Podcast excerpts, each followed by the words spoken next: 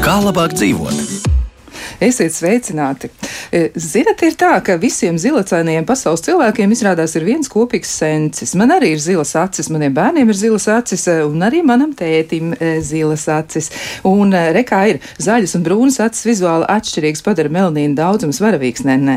Taču zilacainajiem cilvēkiem melanīna daudzums acīs ir praktiski nemainīgs. Un, lai nonāktu pie šī secinājuma, ir veikts pētījums un ir uzaicināti cilvēki, sākot no tiem cilvēkiem, kas dzīvo Dānijā, beidzot arī ar tiem zilacainajiem kas dzīvo Turcijā vai Jordānijā. Yeah.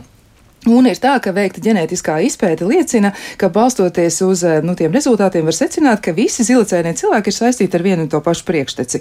Nu, interesanti ir arī atrasts vainīgais, eh, senākais eh, atrastais cilvēks ar zilo acu krāsu, pa, nu, ir tāds, kā lai pasaka, viņam pat ir vārds un uzvārds, tas saucamais Labrana viens, un viņa atlieks, fosīlijas ir atrastas 2006. gadā Spānijas ziemeļdaļā. Nu, redz kā, nu, tā tad tāda silta vieta, un es vienmēr esmu domājis, ko te man tā velk uz to siltumu, nu, tā tik ļoti gribas tur atrasties, un es nekādi nevaru saprast, kāpēc man nu, nelāgā patīk ziema, un vēl arī tie igauņu senči, un es vienmēr esmu sev uzdevusi jautājumu, nu kas tur īsti notiek. Nu, lūk, bet eh, tā nu tas ir. Ja? Un, um, tiešām interesants, neparasts lietas. Un, lai gan vairāki šie zilo acu noslēpumi ir atrisināti, zinātnieki joprojām nevar atbildēt uz jautājumu, kādēļ zilā acu krāsa ir tik plaši izplatījusies. Nu, viena no teorijām, kas man arī ļoti, ļoti patīk, ir tā, ka zilacainie cilvēki pavisam vienkārši ir šķituši pievilcīgāk pretējam dzimumam. Nu, lūk, nu, tā tad ļoti labas ziņas zilacainiem cilvēkiem.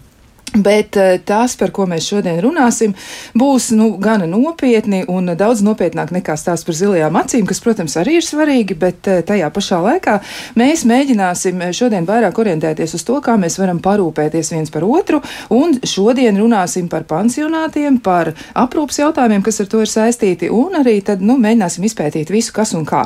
Nu, lūk, atgādināšu ar jums kopā studijā Kristiāna Lapiņa. Pie skaņu pulcē šajā dienā ir Rīta Kārnača un eh, raidījuma producente ir Loreta Bērziņa. Un savukārt studijā arī uzreiz pieteikšu viesus, un pie mums ir Rīgas domas labklājības departamenta sociālo pakalpojumu administrēšanas nodaļas pilngadīgām personām galvenā speciālista eksperta Ludmila Ozola. Sveicināti! Labrīt. Vēl pie mums ir arī privātā pansionāta Rūra vadītājs Kristiāns Dāvis. Sveicināts! Labrīt! Un vēl esam arī sarunā iesaistījuši Rīgas sociālās aprūpas centra Mešciems direktoru Solvitu Rudoviču. Sveicināti! Labrīt! Nu ko, bet eh, pirms mēs vēl ķeramies pie nu, temata sīkākas izpētes, es gribētu arī pieteikt uzreiz kādu ierakstu, m, mm, ko ir veikusi mūsu kolēģe Daina Zālamani, jo viņa bija sociālās aprūpas centrā. Nēreta, kurš atrodas aizkrauklas novadā, apmēram 4 km no Lietuvas robežas, un e, tur savu laiku tajā ēkā, kur pašlaik ir sociālās aprūpas centrs, ir atradusies aizkrauklas slimnīcas filiāli, bet pirms 14 gadiem tika izveidots sociālās aprūpas centrs, un sākumā tajā bija 15 iemītnieki, tagad 34, bet gada beigās to skaits varētu sasniegt pat 50. Nu, lūk, un tad, e, nu, noklausīsimies, ko tad Daina mums stāstīs. Sociālās aprūpes centra nereta direktore Ina Rieksniņa stāsta, ka iestādes budžetu apstiprina pašvaldība, bet faktiski aprūpes centrs darbojas kā neatkarīga iestāde, kam pašai sevi jāuztur. Ja līdz šim mēneša maksa aprūpes centra iemītniekiem bija 670 eiro mēnesī, tad jau drīz maksa par diennakts uzturēšanos palielināsies līdz 850 eiro mēnesī. Šobrīd arī sēžu un domāju, kā man paziņot šiem eh, klientu piederīgajiem ka tā cena tiešām kāpināsies apmēram par 180 eiro. Ir klienti, kuriem ienāk šī naudiņa tātad saca kontā, pašvaldības kontā, un 15% tiek izmaksā cilvēkam uz rokas. Un starpību piederīgie piemaksā. Ja viņi nav maksāt spējīgi, tad pārņem sociālajie dienesti. Nu, no tiem 34 klientiem. Tā tad 18 klienti, kur maksā sociālais dienests, un pārējie ir tādi, kuri maksā piederīgie paši šo starpību. Bet uh, es jau šodien arī apzvanīju tuvākos pansionātus, jo nu, tās cenas visiem ir sakāpinātas, visiem ir jādomā par izdzīvošanu. Jo četras pozīcijas, kas šo naudu iztērē, tā ir apkure, tie ir pamperi, tie ir ēdināšana un tā ir atalgojums. Ina Rieksniņa stāsta, ka sociālās aprūpas centrā nereta nav problēma ar darbiniekiem, jo strādā bijušie slimnīcas darbinieki. Un mazas iestādes priekšrocība ir tā, ka katrs no 34 iemītniekiem ir apčubināts un aprūpēts. Kā kādreiz teica, nabaga māja, bet tā nav. Jau sen mēs nedzīvojam nabagmājā, ar mums viss ir kārtībā. Vai ir labāk, ka tas vecīts paliek viens pats mājā un, un ap, kopējs kāds ieskrien vienreiz dienā uz pusstundu? Tāpat tas cilvēks ir viens. Viņiem šeit ir labi. Es pati aizēju katru dienu, ar katru es varu aprunāties. Lielā pansionātā tas nav iespējams. Tad mēs esam gan arī visi kā radīgi, sauguši viens ar otru. Un man liekas, arī ir labi tas, ka viņi šeit ir kopā, šie vecie cilvēki. Mums ir nodarbības, mums ir uh, koncerti, mēs kaut kā veidojam šo kultūras dzīvi, lai cilvēks nav tikai guļ un ēd. Ja? Viņam ir ko darīt šeit. Mums ir ļoti skaista teritorija. Pārks mums ir, mums ir šeit strūkla, ka mums ir atpūtas vietas. Nu, man gribētos, lai pašvaldības saprot, ka šīs iestādes būs nepieciešamas. Un viņām vienkārši ir jāattīstās, jo, diemžēl, sabiedrība noveco. Valsts dotē Eh, specializētos pansionātus.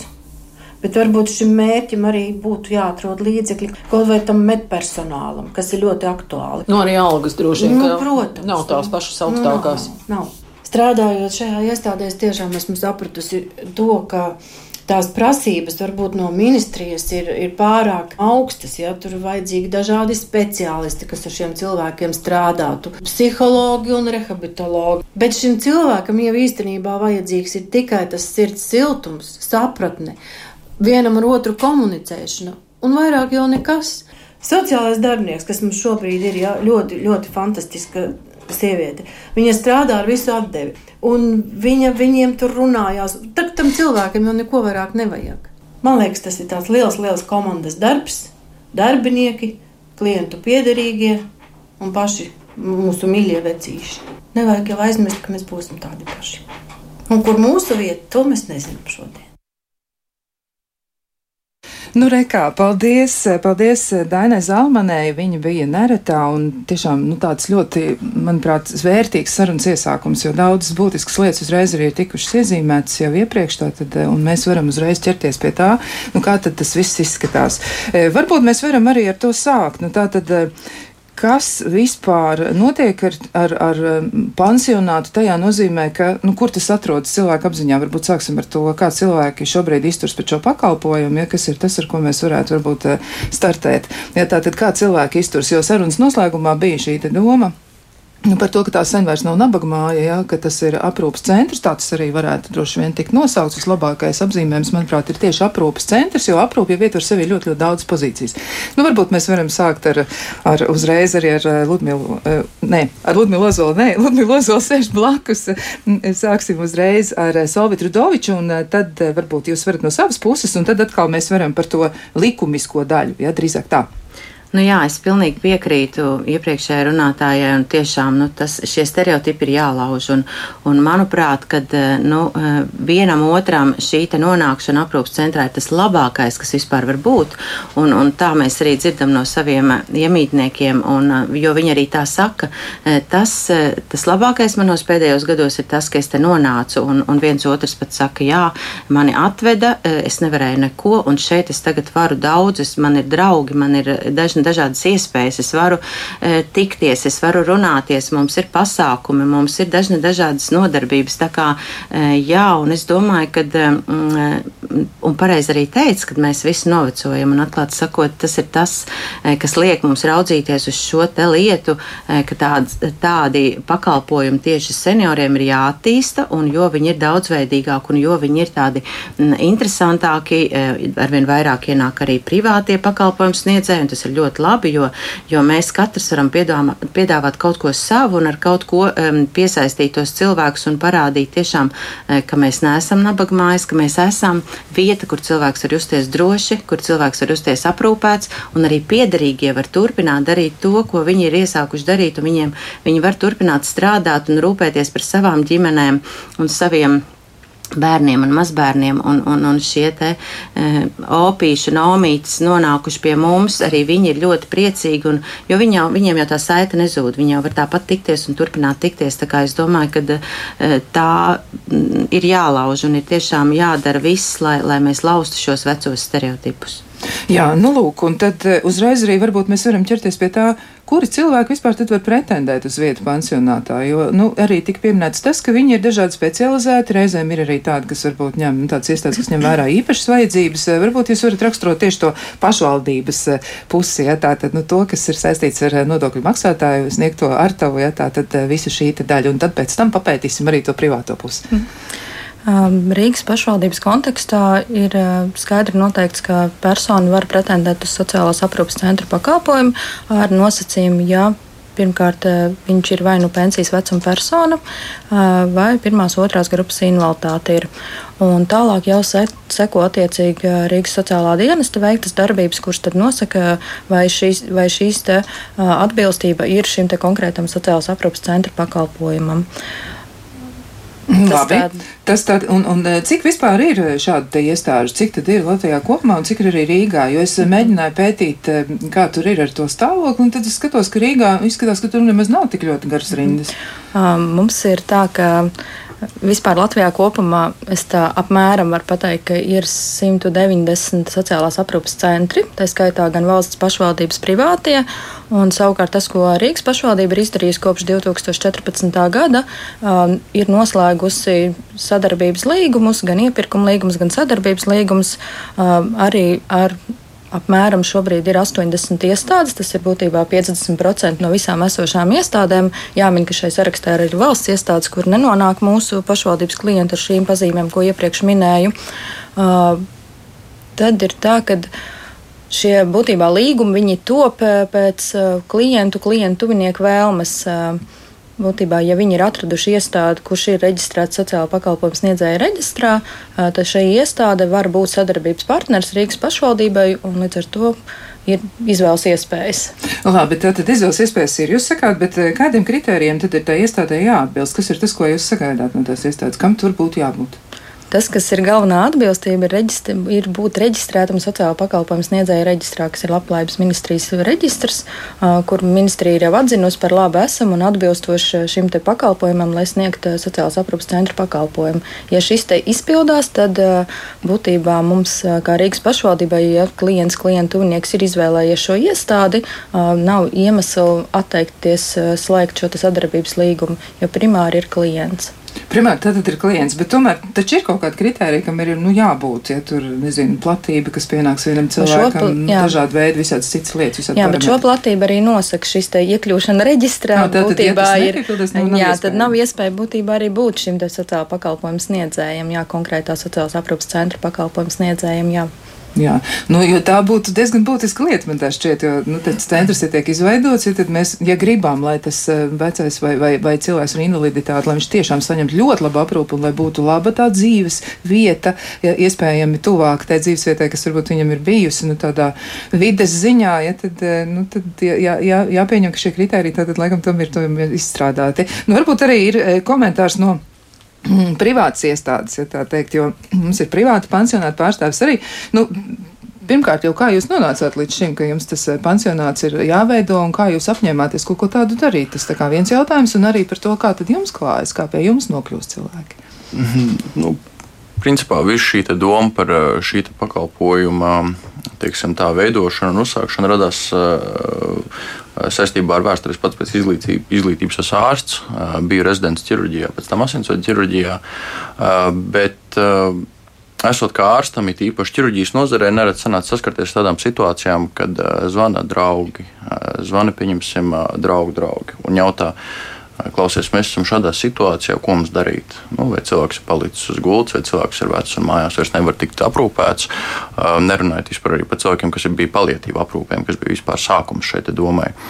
Un Tad, kad pietiekami daudz reizes tev šāds jautājums tiek uzdots, tad, un tu atbildi, es nezinu, vai arī nav, vai arī man nav ko atbildēt, tad eventuāli tu sāc domāt, no, kāpēc tā un ko var darīt lietas labā. Un tad būtībā no, no šīs domas arī cēlās tā vīzija par to, kā vajadzētu vispār citādāk pieiet šīs problēmas risināšanai. Līdz ar to mēs arī sākām aktīvi strādāt pie tādas nedaudz citas sistēmas izstrādes par to, kā jāfunkcionē šāda tipa iestādē. Protams, likuma robežās, kā to ir noteikusi valsts, bet uh, integrēt ar šo visu medicīnu. Jo mēs Liepājā tieši koncentrējamies uz to, ka kā jau arī kolēģi minēja, ir nu, neredz. Skaidrs, ka tiem senioriem ir nepieciešama šī vieta, kur viņi uh, var justies omulīgi, kur viņi var justies pieņemti, kur viņiem ir draugi, kur viņi ir aprūpēti. Bet ir ļoti svarīgi piebilst to, ka šie cilvēki, kas galvenokārt nonāk ilgstošas sociālās aprūpes iestādēs, ir trešais un ceturtais aprūpes līmenis, pie tam vēl tie, kurus finansē pašvaldība. Un pārsvarā 3. un 4. aprūpes līmenis tas kaut kādā mērā ir saistīts ar to, ka cilvēkiem ir ierobežo, ierobežot šīs pašaprūpes spējas. Un šo pašaprūpi jau ierobežo ne jau vecums, bet slimība, kas nāk komplektā ar vecumu. Tāpēc mēs skatījāmies uz šī pakalpojumu izstrādi un pilnveidu caur šo medicīnas prizmu, to, ka pamatā jau cilvēkam ir veselības problēma. Protams, tā aprūpe ir neatņemama sastāvdaļa un nemazāk svarīga, bet ir eh, ļoti nopietni jā, jāskatās uz šo veselības aprūpes pusi, kādēļ arī mums ir liels mediķu kolektīvs mūsu iestādē Liepājā. Nu, cik liels ir vispār eh, jūsu, jūsu centrs, jūsu iestāde? Cik vispār tur ir vietas? Šobrīd, eh, šobrīd kopā ir 109 vietas, eh, bet principā līdz marta beigām mums atvērsies noslēdzošā daļa, kura ir principā rekonstrukcijā, un tad būs aptuveni 180. Un cik ir eh, personāls liels? Jūs varat tā apmēram aplēst, eh, cik cilvēku rūpējas par vienu jūsu iemītnieku, tur sanāk. Jo dati arī ļoti, ļoti atšķiras, un tas patiesībā arī nu, nosaka to aprūpas kvalitāti, tieši runājot varbūt par medicīniskiem jautājumiem. Jā, nu šobrīd mums ir. Uh plus mīnus 80 darbinieki. Protams, darbinieku skaits ir liels, jo nu, cilvēkiem ir jābūt 24, 7 uz vietas, gan aprūpētājiem, gan mediķiem.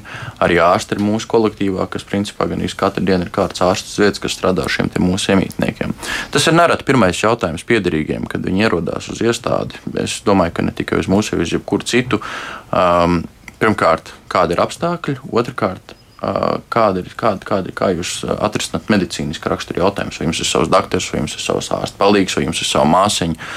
Un atkal, kā jau es minēju, es uzskatu ka lai šāda tipa iestāde varētu fundamentāli kvalitatīvi strādāt, ir nepieciešams šis ārsts, kurš spēj izvērtēt šo pacientu un spēj noteikt tālākos risinājumus, ko tālāk darīt. Vai tās ir vieglas terapijas korekcijas, vai tie ir kaut kādas plānveida izmeklējumi vai procedūras, kas tālāk jau augstāk līmeņa iestādē tiek darīt. Bet ir jābūt vienam šim centrālajam mediķim, kurš par šiem cilvēkiem atbild.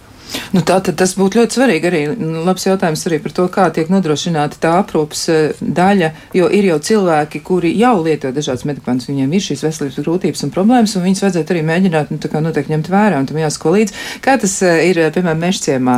Kā, kā jums tas var viss? Nu, jāsaka, arī mums, mūsu um, iemītnieki vai klienti tiek aprūp, tāda tiek nodrošināta ne tikai aprūpe, sociāla aprūpe, bet arī veselības aprūpe.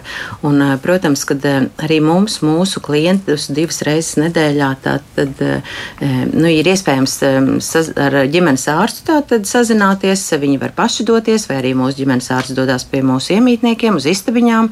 Un, protams, arī ir diennakts medicīnas māsu postenis, un, un, un māsīņas ir tās, kas savukārt izpilda arī tālāk tās ordinācijas. Tad arī no veselības aprūpas speciālistiem mums ir podologs.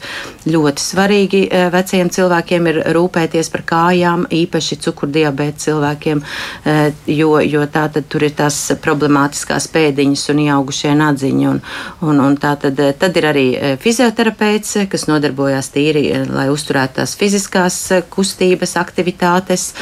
Ir arī masieris un jāsaka, ka piesaistam uz līguma pamata arī psihiatru, jo mēs zinām, ka tā tad arī nu, mm, vecumā ļoti daudz vairāk, daudz vairāk runā arī tagad par cilvēkiem ar demenci, par cilvēkiem ar Alzheimeru, un šeit ir nepieciešams nepieciešams tas ārsts psihiatrs, kas nozīmē to terapiju, un, un tāpēc sadarbojamies. Un, protams, ar ģimenes ārsta nozīmējumu visi, kuriem tas ir nepieciešams, viņi tiek arī konsultēti pie citiem speciālistiem tiek nodrošināta. Un tas, ko arī kolēģis saka, ka jā, ka tiešām tā ir ļoti, ļoti svarīgi, lai tā būtu tāda integrēta aprūpe, kur ir gan medicīna, gan arī sociālā aprūpe, jo eh, nu, vecie cilvēki ir ar savu tātad saslimšanu buķeti, un plus vēl arī tātad vecuma dēļ ir ļoti lielas izmaiņas cilvēka organismā, kur arī ir nepieciešama šo te speciālistu iesaisti. Tā kā eh, šis te, jā, un arī mums tā lielākā darbinieku daļa, tas lielākais sastāvs ir tieši aprūpas personāls. Tie ir gandrīz simts cilvēki, kuri aprūpē mūsu iemītniekus, jo mūsu aprūpas centrā ir 193 vietas, un, un tā tad lielākais ir tieši aprūpas personāls. Jā, protams, strādā arī sociālie darbinieki, sociālie rehabilitētāji, sociālajā aprūpētāji un arī, protams, saimnieciski tehniskais personāls, kur arī ir ļoti svarīgi rūpēties gan par, par tīrību, kārtību, par veļas mazgāšanu, veļas maiņu tātad, un, un, un, un, un tas tiešām parāda to, ka tā rūpe par to cilvēku, kas pie mums ir, ir ļoti liela. Jā, nu labi, tā tad daudz visādu, visādu iespēju. Bet vēl es gribētu arī jautāt Ludmilai Ozolai, nu kā ir ar, um, piemēram, ar tām lietām par to, Nu, ja tam cilvēkam ir vecuma problēmas, problēmas, kas ir saistīts ar vecumu, drīzāk tā, jā, jo cilvēks, nu, kā teica profesors Zaļkauns, ja viņš ir, viņš ir, viņš ir, nu, vienkārši ilgāk nodzīvojis uz šīs pasaules, ja, un nosaukt viņu par vecu, tā kā tik nelēga un ļoti, ļoti reizēm ievainojoši, tā nevajadzētu teikt. Bet tā, tā, tā ir viena grupa, bet ir arī citi cilvēki, kuriem ir invaliditāte, ja, tātad jūs teicāt pirmā, otrā grupa, mm, vai un kā šie jautājumi tiek risināti, vai tie ir atsevišķi šie aprūpas centri, vai jūs mēģināt tos klientus kaut kā nodalīt, vai arī jūs tomēr mēģināt integratīvi ar viņiem darboties un likt kopā, lai tā sabiedrība tiktu, nu tā, nu tā kā attēlot, tā kā tāda mozaīka, ja, jo sabiedrībā jau mēs esam visi kopā, ir bērni, ir pieauguši, ir, ir vecāki cilvēki. Kā tas ir, nu, par sociālo aprūpu tieši runājot?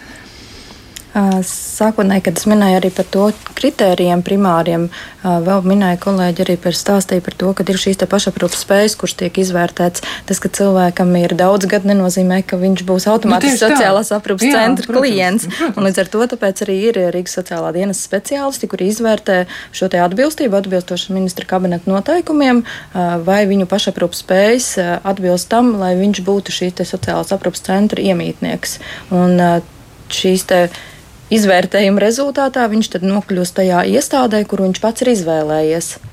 Nu, Tātad tas nozīmē, tas, ka tomēr veidojas ja, tā dažādība, zinām. Ja? Tam cilvēkam jau ir iespēja izvēlēties arī aprūpu mājās un arī citus ar aprūpu saistītus mm. pakalpojumus. Tā kā eh, te ir tas, kad, eh, kad viņš izvēlas. Cilvēks, Jā. kā arī Ludmila teica, ka cilvēks ir, mm. ir tas, kurš izvēlas, kas viņam labāk konkrētajā situācijā varētu nu, atslogot to ikdienu vai palīdzēt. Rīgas pašvaldībai tādā ziņā ir liela pievienotā vērtība ar to, ka Rīga slēdz līgumus ar būtībā, ar ko vien, nu, teiksim tā, kā jau kolēģi kolēģi minēja, ar 80 saciem viņus noslēgts līgums. Jā.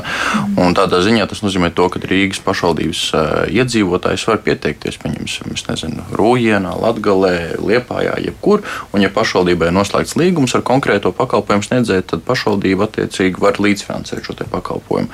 Nu, tā lieta ir tāda, to, ka katra pašvaldība izdomā savus spēles noteikumus. Rīgai ir savs spēles noteikumi, kā viņi šo pakalpojumu vai finansē vai nefinansē un kā viņi izvērtē. Nu, citām pašvaldībām ir citi. Tā kā pieņemsim cilvēks, kurš ir dzīvojis visu mūžu. Uh, Rīgā, strādājis Rīgā, bet viņam ir deklarēts ārpus Rīgas, tad automātiski viņš pakļaujas tiem spēles noteikumiem, kas ir tajā konkrētajā pašvaldībā, kurā viņš ir deklarēts.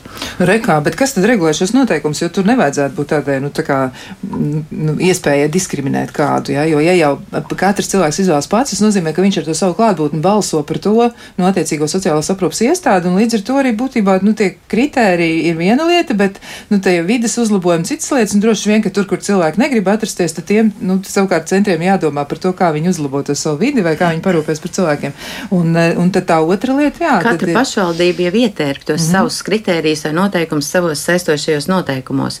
Un man ir jāsaka, ka jā, kad eh, tas ir atkarīgs no tā, cik nu rosīgi ir katra pašvaldība, mm -hmm. cik mhm. viņai ir eh, tātad arī šī iespēja atbalstīt savus, savus pašvaldības iedzīvotājus. Nu, jā, un Rīga ir tiešām ļoti daudz domājusi, jo, ja cilvēkam arī šie te, šī te pensija nav liela, eh, tad tie 85% paliek eh, iestādē, bet pārējo tā tad dotē Rīgas pašvaldība kā, un tiek atbrīvot gan bērni, gan mazbērni no šīs te eh, līdzdalības maksas, jo man jāsaka, tas bija diezgan liels sloks arī sociālā darba speciālistiem, jo, kā mēs zinām, tad šie te bērni un mazbērni dzīvo daudz viet arī ārpus Latvijas robežām un, un, un, un uzlikt viņiem kādu slogu vai meklēt viņus pa, pa, pa pasauli ir, ir diezgan apgrūtinoši. Tāpēc pamats. Manuprāt, kad ieguvējs ir tas cilvēks, jo viņš nepaliek, jo tas jau arī bieži vien nomāc, jo viņš saka, kas, kas par mani maksās, ja tā tad, jo man tā pensija nemaz nav tik liela, jā, vienam otram tā pensija ir tāda, ka viņš nosedz šos izdevumus, bet vienam otram, diemžēl, nu, nu, nevar ar to pensiju nosekt šos te izdevumus, tāpēc ļoti labi, kad um, tie mūsu iemītnieki zina un saprot, ka, ja arī mana pensija nenoseks, es varu nesatraukties, pašvaldība noseks šos izdevumus. Jā, bet es drīkstu piebilst, Protams, vienkārši, lai, neve, lai neveidojas situācija, kad eh, šobrīd jāsaka, ka Rīgas pašvaldībā ir noslēgti ar 13, ne, mānos, 12 iestādēm iepirkuma līgumu un mūsu trīs pašvaldības iestādes, tā skaitā Mešciems.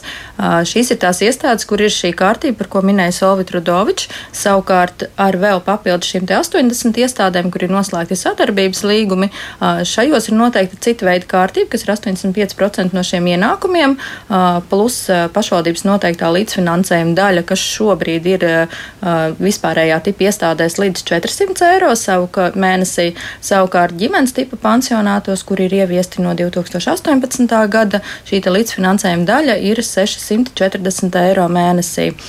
Un atlikušo daļu sedz paši tuvinieki. Neatkarīgi tie var būt tuvinieki, tas var būt uzņēmums, tikpat labi tas var būt kaimiņš, labākais draugs.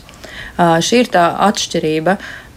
Tas, ko, protams, Rīga regulāri domā, kā celt, un es ceru, ka mums arī izdosies eh, šo līdzfinansējumu daļu, bet to jau citā raidījumā. Jā, bet tas tāds ļoti, ļoti labs formāts, to, kad no trīs pusēm iesaistās šis te, šī te pakalpojuma apmaksa. Ir šī cilvēka pensija, kas principā gandrīz ikvienam ir, nevis gandrīz, bet principā ikvienam senioram pensiju sasniegušam. Ir šis te pašvaldības līdzfinansējuma daļa kaut kāda, un tad jau attiecīgi tad jau tā mazā daļiņa, kas ir nepieciešama, lai piefinansētu šo pakalpojumu maksu piederīgiem, vairs nav tas sloks. Ja mēs padomājam to, ka cilvēkam ir nu, pieņemsim hipotētiski, 85% no pensijas paliek 300 eiro, un tad atlikušais jālīdzfinansē piedrīgiem. Nu, kā jūs to imaginējat? Nu, ja cilvēkam ir ģimene, pieņemsim, divi bērni, un cilvēks strādā uz, nu, teiksim, neteiksim minimālo algu, bet nu, uz vidēju algu. Nu, kā jūs to varat iedomāties, ka cilvēku vēl papildus varētu nosegt visu to pakalpojumu maksu? Nu, protams, ka tas ir neiespējami. Jā, tas ir ļoti, ļoti sarežģīti. Pēc tam arī reizēm tiešām aprūpē tur ir tādas nianses, ko īstenot mājās, vai arī mēģinot iztikt tikai ar saviem spēkiem, ir gandrīz neiespējami. Ja reizēm tas situācijas ir diezgan grūts. Nu, jā, nu, ir diezgan daudz par ko spriest, un to mēs noteikti arī darīsim, bet pēc īsa brīža. Kā labāk dzīvot? Turpinām sarunu par to, kā palīdzēt tiem cilvēkiem, kuri ir sasnieguši cienījumu vecumu, ne tikai kā palīdzēt, bet kā kā nodrošināt to, lai dzīve turpinās, lai tā ir pietiekami piesātināta, interesanta un arī tāda, nu, kura dod daudz iespēju, lai nav tā sajūta, ka kaut kas ir kaut kur beidzies vai kaut kas ir kaut kā tā, kā negribas, lai ir. Proti e, par to, kā nu, nodrošināt labu dzīvi sociālās aprūpas jomā tiem cilvēkiem, kam tas ir nepieciešams. Un arī gribu atgādināt, ka studijā esam aicinājuši Rīgas domas labklājības departamentu sociālo pakalpojumu administrēšanas nodaļas pilngadīgām personām galveno speciālistu ekspertu Ludmilu Lozovu. Vēl pie mums ir arī privātā pansionāta rūra vadītājs eh, Kristiāns Dāvis.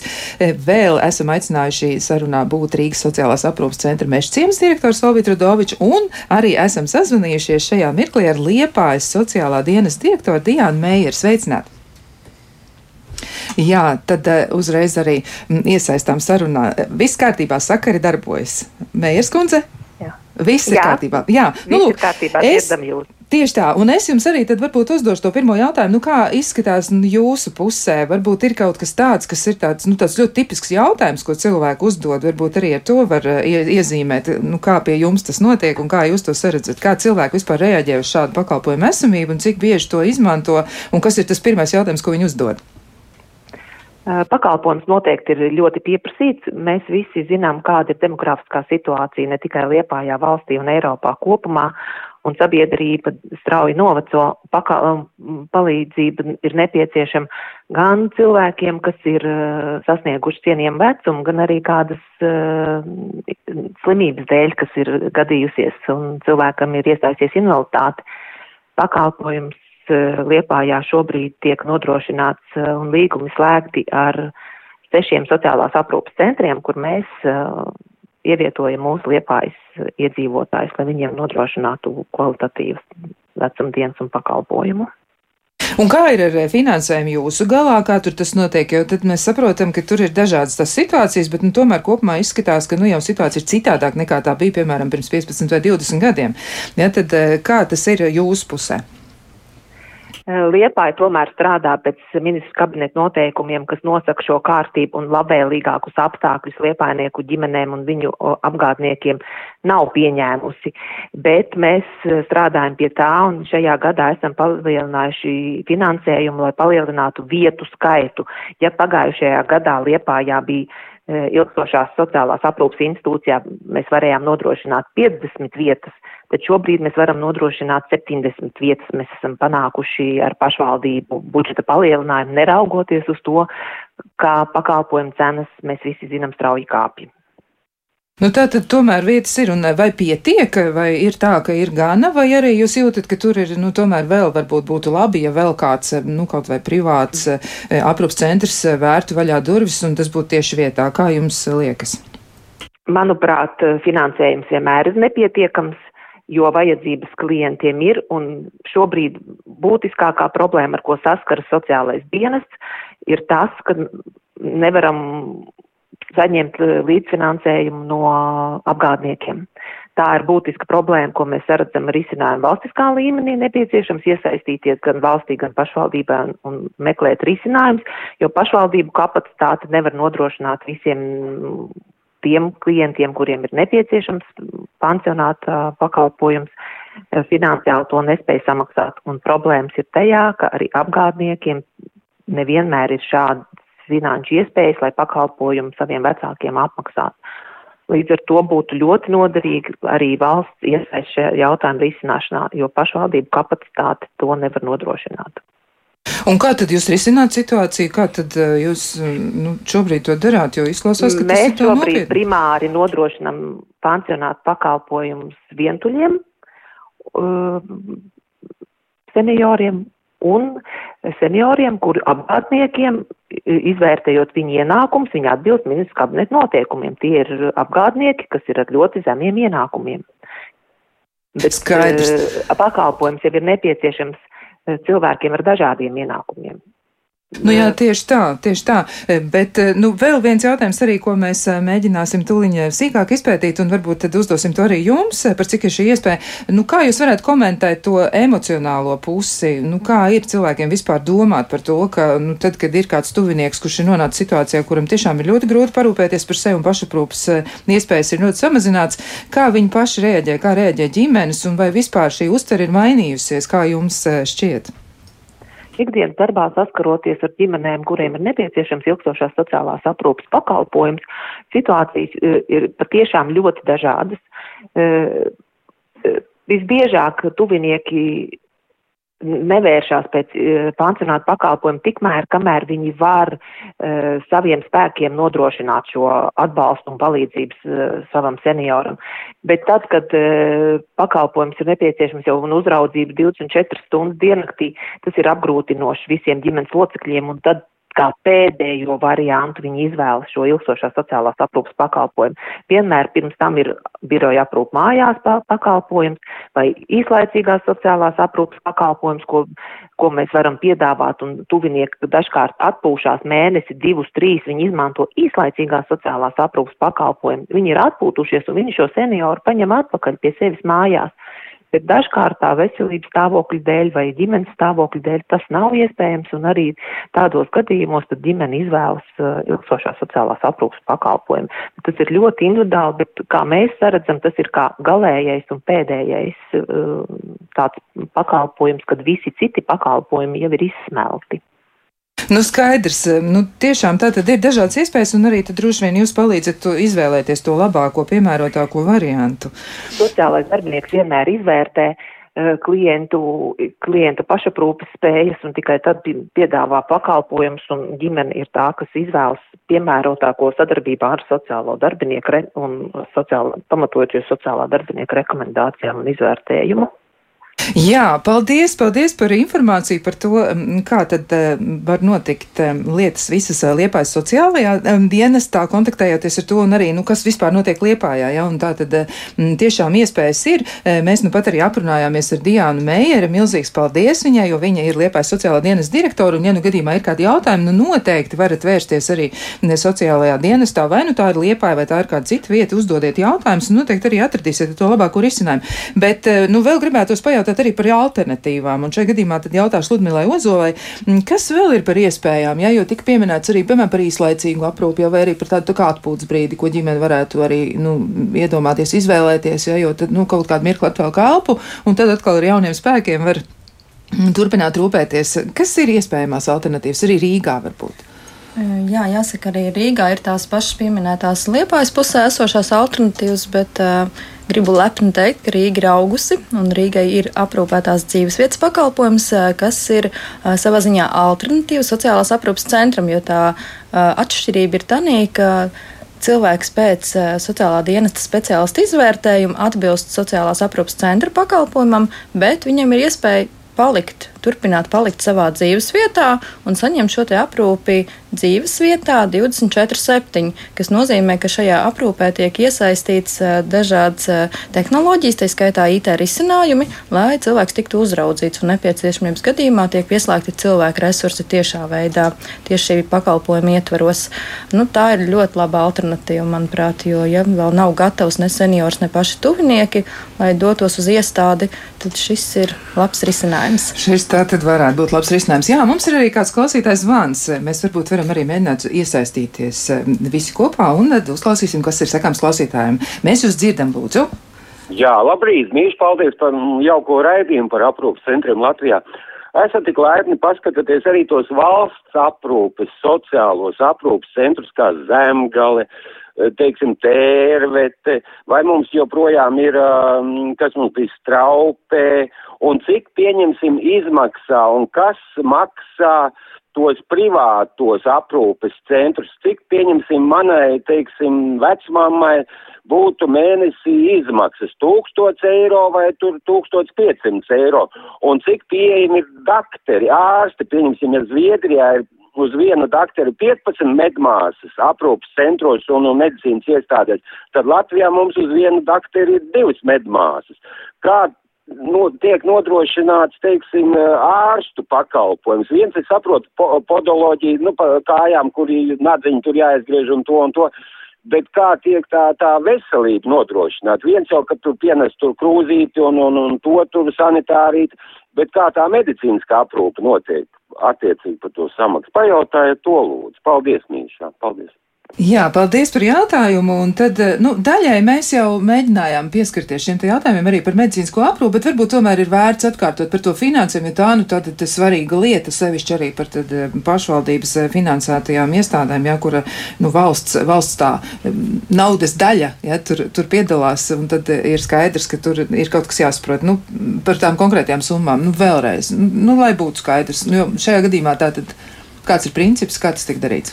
Par summām ir tā, ka noteikti niansēt, tā kā kungs jautāja, niansēt diezgan informāciju, to vajag vērsties sociālā dienestā, neatkarīgi no atrašanās vietas.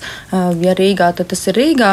Savukārt par Rīgu vēl jāmin Rīgas pašvaldības kontekstā, ka mums visa informācija, kas attiecās uz samaksas jautājumu un arī iestādes, ar kurām ir noslēgti šie līgumi, ir pieejama Labklājības departamenta mājaslapā, un tā informācija regulāri tiek atjaunot, un, un nevar būt situācijas, ka summas atšķirās no tā, kas ir realitātē. Un dienas maksa ir iekļauta līdz ar to izreikināt, cik būs šī maksa, var pats pirmsākumā, bet pēc tam jau noteikti ir jāvēršas sociālā dienestā un jāliek kopā šīs te, visas informācijas un jātiek pie tā gala cipara, jo, kā es minēju, ka Rīgai ir dažādas šīs te formas, kuras ir ar līdzfinansējumu, kur daļēji sedz, teiksim, pašvaldību šo te maksu, ir arī, kur pilnībā sedz pašvaldību trūkstošo daļu, kas ir pēc 85% samaksas. Nu, jāsaka, arī pieminētā tērvete, piemēram, arī tur mums ir abas līguma formas, gan iepirkuma, gan arī sadarbības darbības, kuras gan daļēji sēdz, gan arī visu atlikušo summu pēc 85% maksas no seniora. Nu, Nu, tā. tā tad ir jāpēta, tā informācija ir jāmēģina atrast, bet tiešām laikam labākais ceļš būtu doties uz sociālo dienestu un jautāt, jautāt, jautāt un vēlreiz jautāt un jautāt arī e, visos aprūpas centros, kas tad ir tajā reģionā pieejami.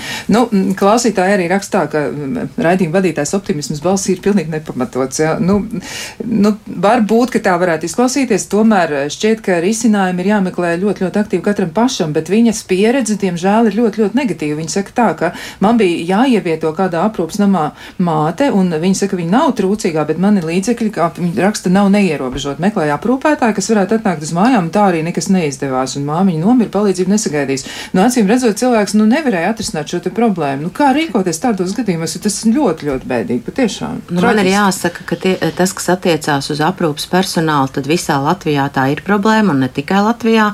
Mēs, nu, paskatoties tīri to statistiku, es varu teikt, ka arī mans aprūpas personāls mūsu iestādē ir gados, diezgan lielos gados. Tas nozīmē, to, ka ir jādomā par to, kā mēs piesaistītu tātad arī jaunākus cilvēkus, bet un vēl arī tas, ka jā, nu, tas konkrēti spējīgais atalgojums, kas visus, ja tā tad tas nozīmē to, ka ja arī mēs gribam piesaistīt mājās, tad mums ir jādomā, cik mēs varam atļauties tam aprūpas personālam vai sociālā dienesta atbalsts kāds ir, jo ir arī aprūpas pabalsti, ir pašvaldības, kur to maksā.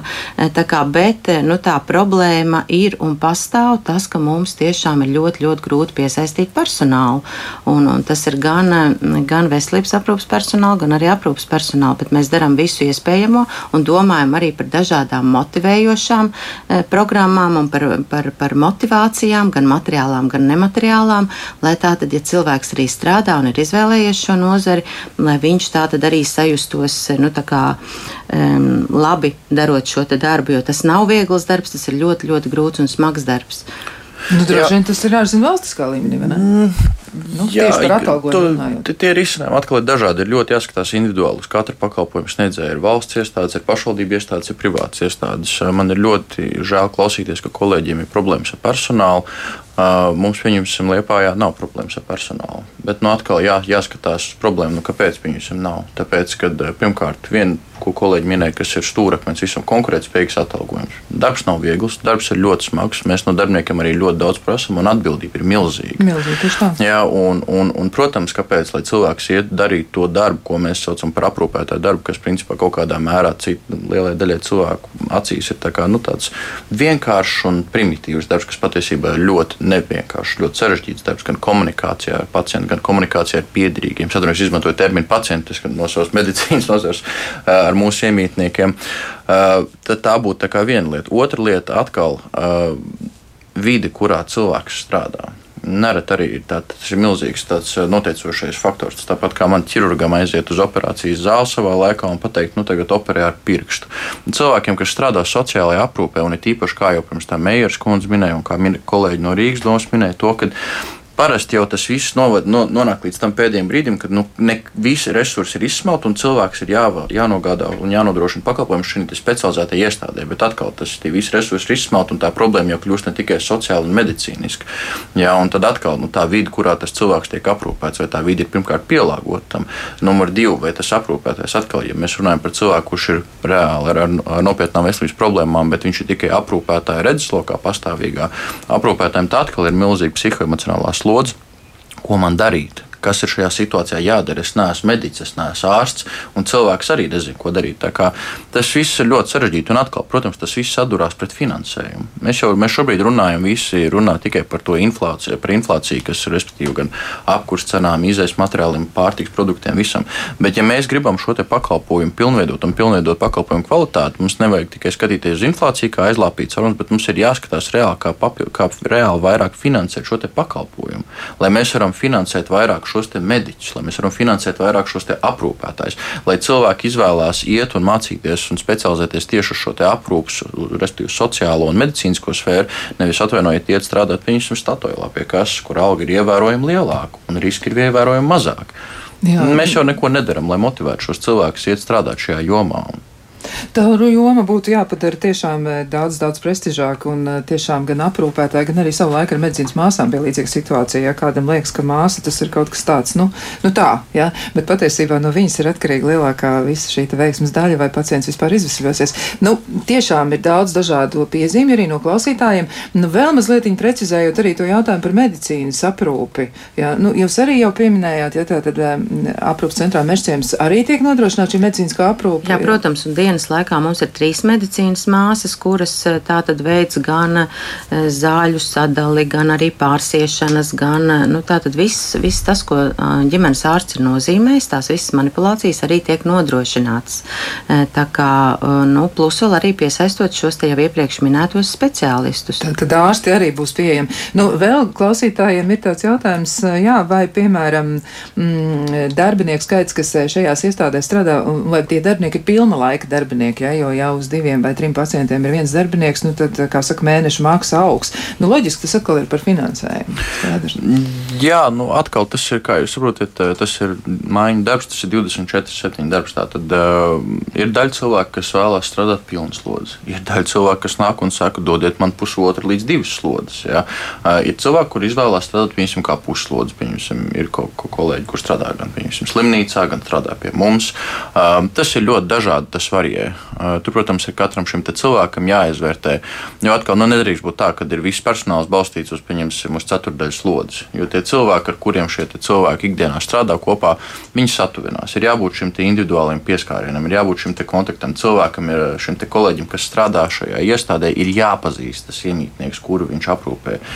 Tas ir tāds sava veida tāds. Nu, ģimenes koncepts. Nu, tādas attiecības tomēr ir svarīgas. Viņas ir jāizveido, viņām noteikti ir jābūt. Nu, vēl jautājums no klausītājiem, cik šobrīd cilvēku gaida rindā uz līdzfinansējumu pansionātos Rīgā, kuri jau atrodas pansionātos? Vai būs kāda atbilde um, šajā ziņā? Teiksim tā, man nebūs atbilde, cik gaida rindā uz Rīgā esošām iestādēm, jo tādas personas, kuras atrastos eh, Rīgas pašvaldības iestādē un gaida līdzfinansējumu, tādas nav.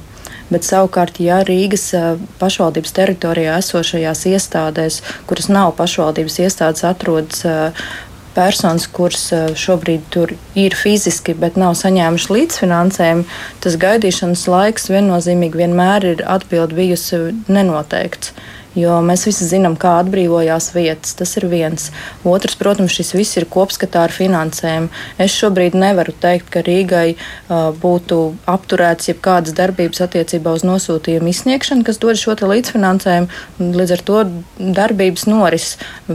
Starp citu, vakar tieši bija telefons zvans no tuvinieka ar jautājumu, cik ilgi ir jāgaida apmēram rindā. Uh, Un tajā brīdī es apskatījos un secināju, ja šodien man ir jāatbild, tad gaidīšanas laiks ir vidēji mēnesis uz sadarbības organizācijām Rīgā, bet savukārt rīt tā atbilde var krasi mainīties, līdz ar to šis ir nenoteikts lielums. Nu, tad, tad tādas ļoti konkrētas atbildes, diemžēl, nebūs. Um, nu, Viņi nebūs, jā, un tas ir diezgan loģiski, jo tie ir cilvēki, un tas ir ļoti mainīgs lielums, kas notiek ar šiem cilvēkiem. Ar to konkrēts atbildes, protams, nebūs. Jā, nu vēl arī tāds piezīmes ir eh, no klausītājiem, vai un cik daudz uz pansionātus ir pieejams vienvietīgas istabiņas. Domāju, ka iespēja būt vienam, kad to vēlies, ir būtiski ikviena cilvēka vajadzība, un to nevajadzētu atņemt mūža nogalē. Nu, tas ir skaidrs. Jā, nu, jāsaka, ka mums ir tikai vienvietīgas un divvietīgas istabiņas, un mēs eh, pēdējā laikā ejam uz to, lai tiešām cilvēki vairāk būtu vieni. Tas ir nu, ne tikai, lai cilvēks justos ērti un labi, bet lai arī aprūpas personāls varētu veikt visas nepieciešamības darbības, lai viņa darba vide būtu ērta un, un pieejama. Jā, piekrītu atkal. Es uzskatu, ka tas ir ļoti individuāli. Gan jāstāsta gan no iemītnieku puses, gan arī no piederīgu puses. Jo nereti ir situācijas, kad nāk piederīgi un saka, mēs vēlamies, lai cilvēks dzīvo vienvietīgā istabā. Mēs runājam ar to cilvēku, kurš potenciāli tur dzīvos. Viņš saka, nē, es gribētu kādu kopā dzīvot. Jā, tas ir eh, ļoti individuāli. Tas ir ļoti individuāli. Nereti ir arī situācijas, ir īpaši, kad ir uh, redzēt tās attiecības veidojās tajā istabiņā. Tāpat kā palātā, slimnīcā, tāpat arī šajās istabiņās, apartamentos, kur šie cilvēki dzīvo, arī še, tur veidojās tās attiecības. Šie cilvēki viens otru arī pieskat.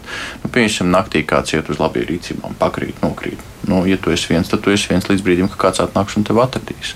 Jā, atkal Jā. viens plus viens ir labāk. Viens plus viens ir labāk. nu, reizēm arī tā noteikti. Nu, tur ir katrs gadījums noteikti individuāls. Nu, vēl arī, man liekas, ļoti svarīgi piezīme, ko arī viena no klausītājiem ir uzrakstījusi, ka būtiski, ka nevis ģimene, ja viņi ir ielikusi pēdiņās, un tā kā tie citi cilvēki izvēlas, bet pats eh, seniors. Ja, proti, viņam tas ir jāgrib un pret viņa gribu nevar ievietot pansionātē. Nu, skaidrs, ka nevar. Tas ir paša cilvēka ziņā izvēlēties, bet eh, tā saruna noteikti ir nepieciešama par to, kā ģimene var parūpēties, cik daudz tas ir iespējams, ja, lai tiešām rastos tādi nu, tādi vislabākie risinājumi. Mums, diemžēl, šajā brīdī saruna ir jābeidz, mūsu laiks ir, eh, ir iztecējis, bet noteikti mēs varam atgriezties pie šiem tematiem un pētīt arī vēl tos visus eh, rakursus un aspektus, ko mēs vēl neesam izpētījuši šodien. Nu, šai mirklī teikšu paldies, teikšu paldies gan Ludmilai Ozolai, gan arī mm, Sovatai Rudovičai, gan arī Kristiānam Dāvim, un uh, milzīgs paldies arī klausītājiem, kur piedalījās šajā sarunā, nu, savā ziņā būdami tur, kur viņi ir. Un, jā, turpināsim, pētīsim, mēģināsim izdomāt, kā tiešām atrisināt tās problēmas, kuras ir, lai nerastos nekādas tādas nelākas situācijas. Rīt, rīt kopā ar Elvi varēsiet pētīt, ko var izdarīt dārzā, bet mēs savukārt ar jums atkal tiksimies kādā citā reizē, lai jums skaisti izdosies diena un tiešām izdodas atrast arī daudz prieku un mīlestības, cik vien tas ir iespējams. Atā!